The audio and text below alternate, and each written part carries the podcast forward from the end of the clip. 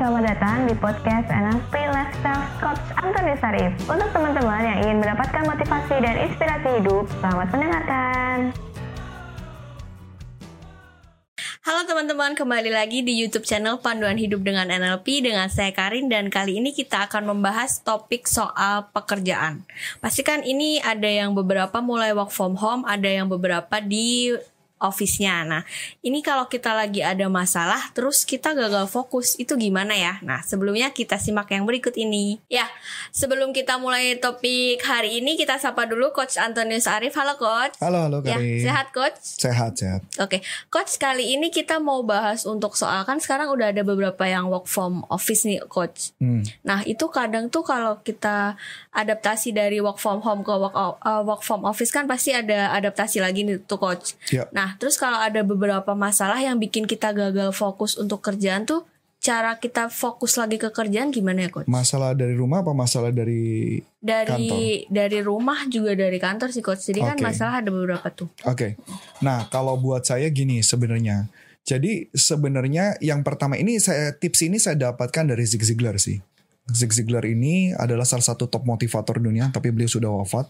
Dia pernah mengatakan gini, saya manusia punya masalah itu oke, normal. Semua orang boleh, bisa aja punya masalah. Tetapi yang paling penting adalah berapa lama mereka eh, apa ya, menikmati tanda kutip, menikmati rasa problemnya tersebut. Karena ada orang yang sangat menikmati banget problem kan. Menikmati gitu ya.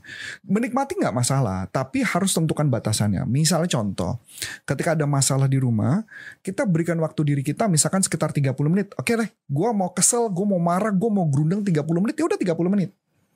Dapat ya? Hmm. 30 menit, ya udah 30 menit. Nah, ketika kita memberikan waktu kita 30 menit, setelah 30 menit biasanya udah kita udah tenang tuh. Nah, tapi ada orang yang tidak memberi waktu tuh Karin.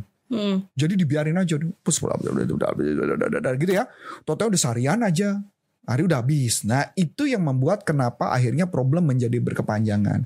Jadi tugas kita adalah bagaimana caranya supaya kita sudah menyeting waktu. Berapa menit kita mau problem. Berapa lama mau problem.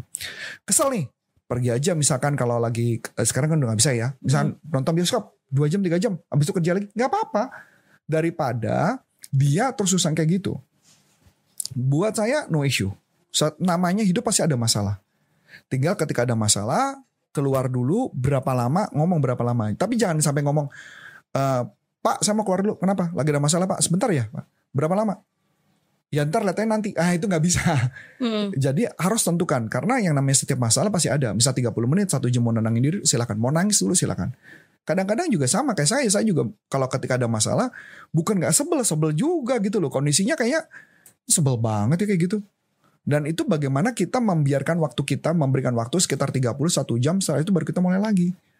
Itu gambarannya Karin. Oke, kalau misalkan tadi kan eh, dari atasan izin dulu nih coach. Hmm. Misalkan eh, mau keluar dulu nih pak, ada masalah mau nenangin diri dulu. Hmm. Terus katakanlah satu jam gitu kan. Hmm. Tapi dia setelah satu jam itu nggak balik-balik. Nah dari atasan itu kan mungkin nanti ada problem lagi kan coach. Oh Iya, iya itu. Itu kan salahnya dia dong. Mm-mm. Kalau itu kan kita nggak bisa ngomong lagi dong. Itu masalah disiplinnya dia sendiri dong. Jadi aslinya adalah ketika dia ngomong satu jam, dia bisa balik satu jam setelah selesai masalah, maka apa yang terjadi? Atasan akan trust kan? Mm-mm. Balik lagi kan? Yang sederhana kayak gini lah Karin. Ini nih contoh-contoh.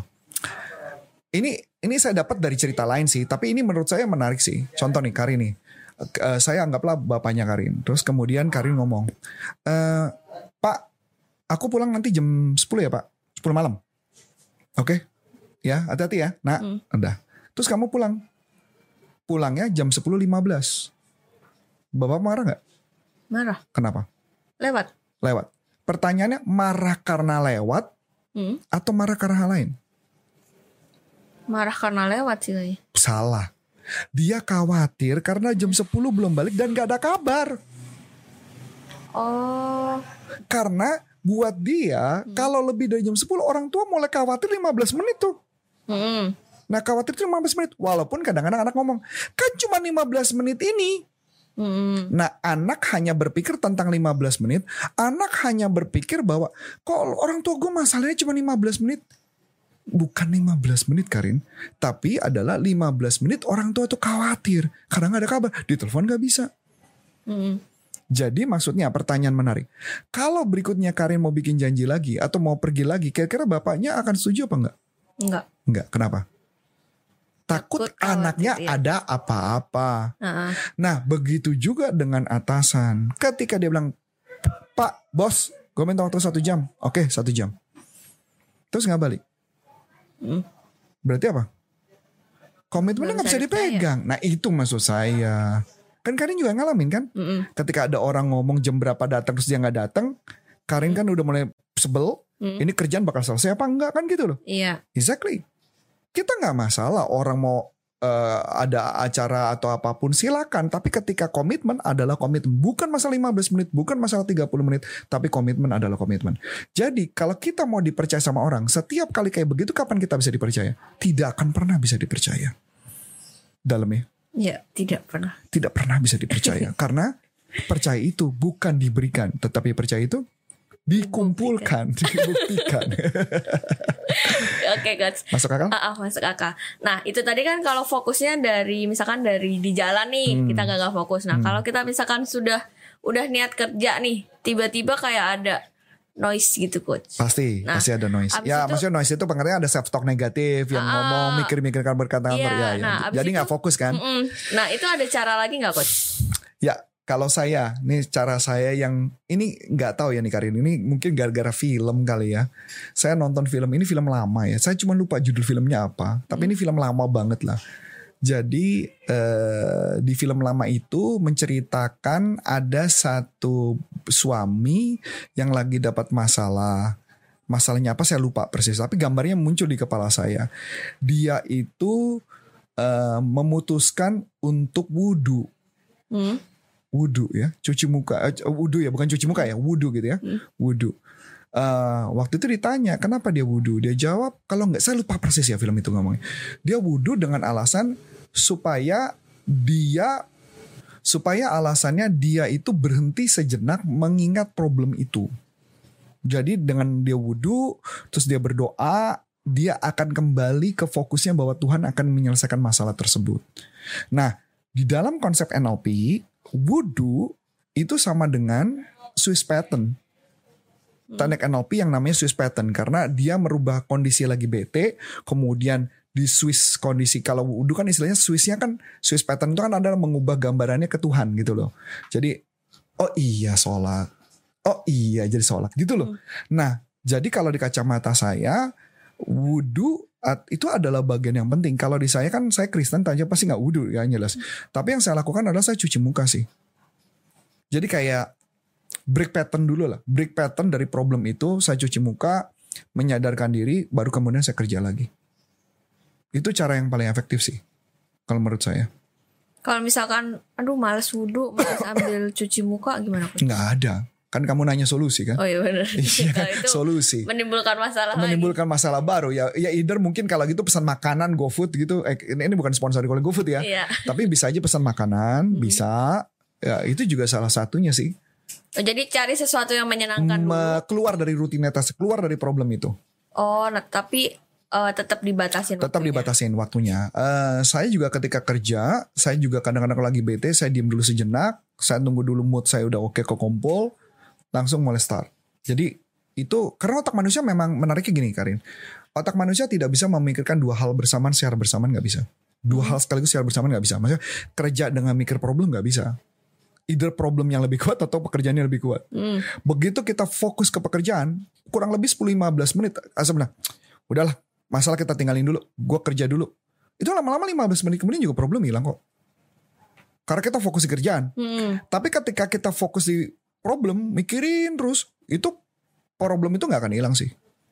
Jadi memang kita tidak bisa memikirkan dua hal sekaligus saat bersamaan nggak bisa. Oke. Kalau tadi kan eh kita bad mood kita batasin nih coach. Hmm. Tapi kalau kita udah coba lagi coba lagi tapi nggak bisa juga Hmm, itu problemnya dari diri kita Nah ini pertanyaan menarik. gimana, coach? Coba itu berarti pasti gagal. Oh iya benar. Kata coba. Mencoba itu udah pasti gagal yang adalah melakukan karena dia harus memikirkan. Jadi ketika mikir kerjaan, dia diam dulu, ah minum air putih, terus badan yang ngadep ke depan, maksudnya agak condong hmm. ke depan, tarik napas, langsung kerja, pasti masih kepikiran, terus fokus kerjaan, lama-lama 15 menit hilang. Itu yang dilakukan. Oke. Okay. Ya kalau saya sih efektif ya sebenarnya cuci muka atau udah deh, gue sebentar doang. Gue gua tahu nih kalau gue menunda-nunda maka utangnya akan makin banyak sih. Utang utang pekerjaan ya, Hmm. bukan utang duit tapi utang pekerjaan makin banyak gitu sih Karin. Tapi kalau orang nggak sadar utang itu ada, Iya berarti kan dia performanya akan dipecat kan? Heeh. Iya itu kan pilihan. iya dong. Itu pilihan lagi kalau kerja di company kan? Iya bener. Ya company kan selalu berbicara mengenai KPI. Mm-mm. Iya dong. Ya mana ada bos yang bilang oke deh dia lagi down. Oke seminggu, dua minggu, tiga minggu Wah habis, habis. Nggak bisa. Iya, nanti lama-lama perusahaan akan ngomong, ini kita yayasan sosial atau apa ya kan gitu loh. Iya. Masuk akal? Oke. Ya. Oke menarik coach topik kali ini menurut aku sih sudah cukup. Yap. Jadi untuk teman-teman yang kehilangan fokus atau masih gagal fokus, lihat video ini. Oke. Untuk teman-teman yang mau ada pertanyaan bisa di kolom komentar dan jangan lupa like, comment dan subscribe. Kalau kita mau pelatihan dengan coach Arif di mana sih? Nah, kalau pelatihan NLP bisa masuk di nlpleadershipindonesia.com ya atau untuk pelatihan online saya di pelatihanmotivasi.id. Di sana ada pelatihan saya bisa diikutin semua di sana. Ya. Oke, sukses buat Anda dan sampai jumpa. Bye bye. Nah, untuk teman-teman yang sudah menerangkan, terima kasih ya dan nantikan podcast selanjutnya.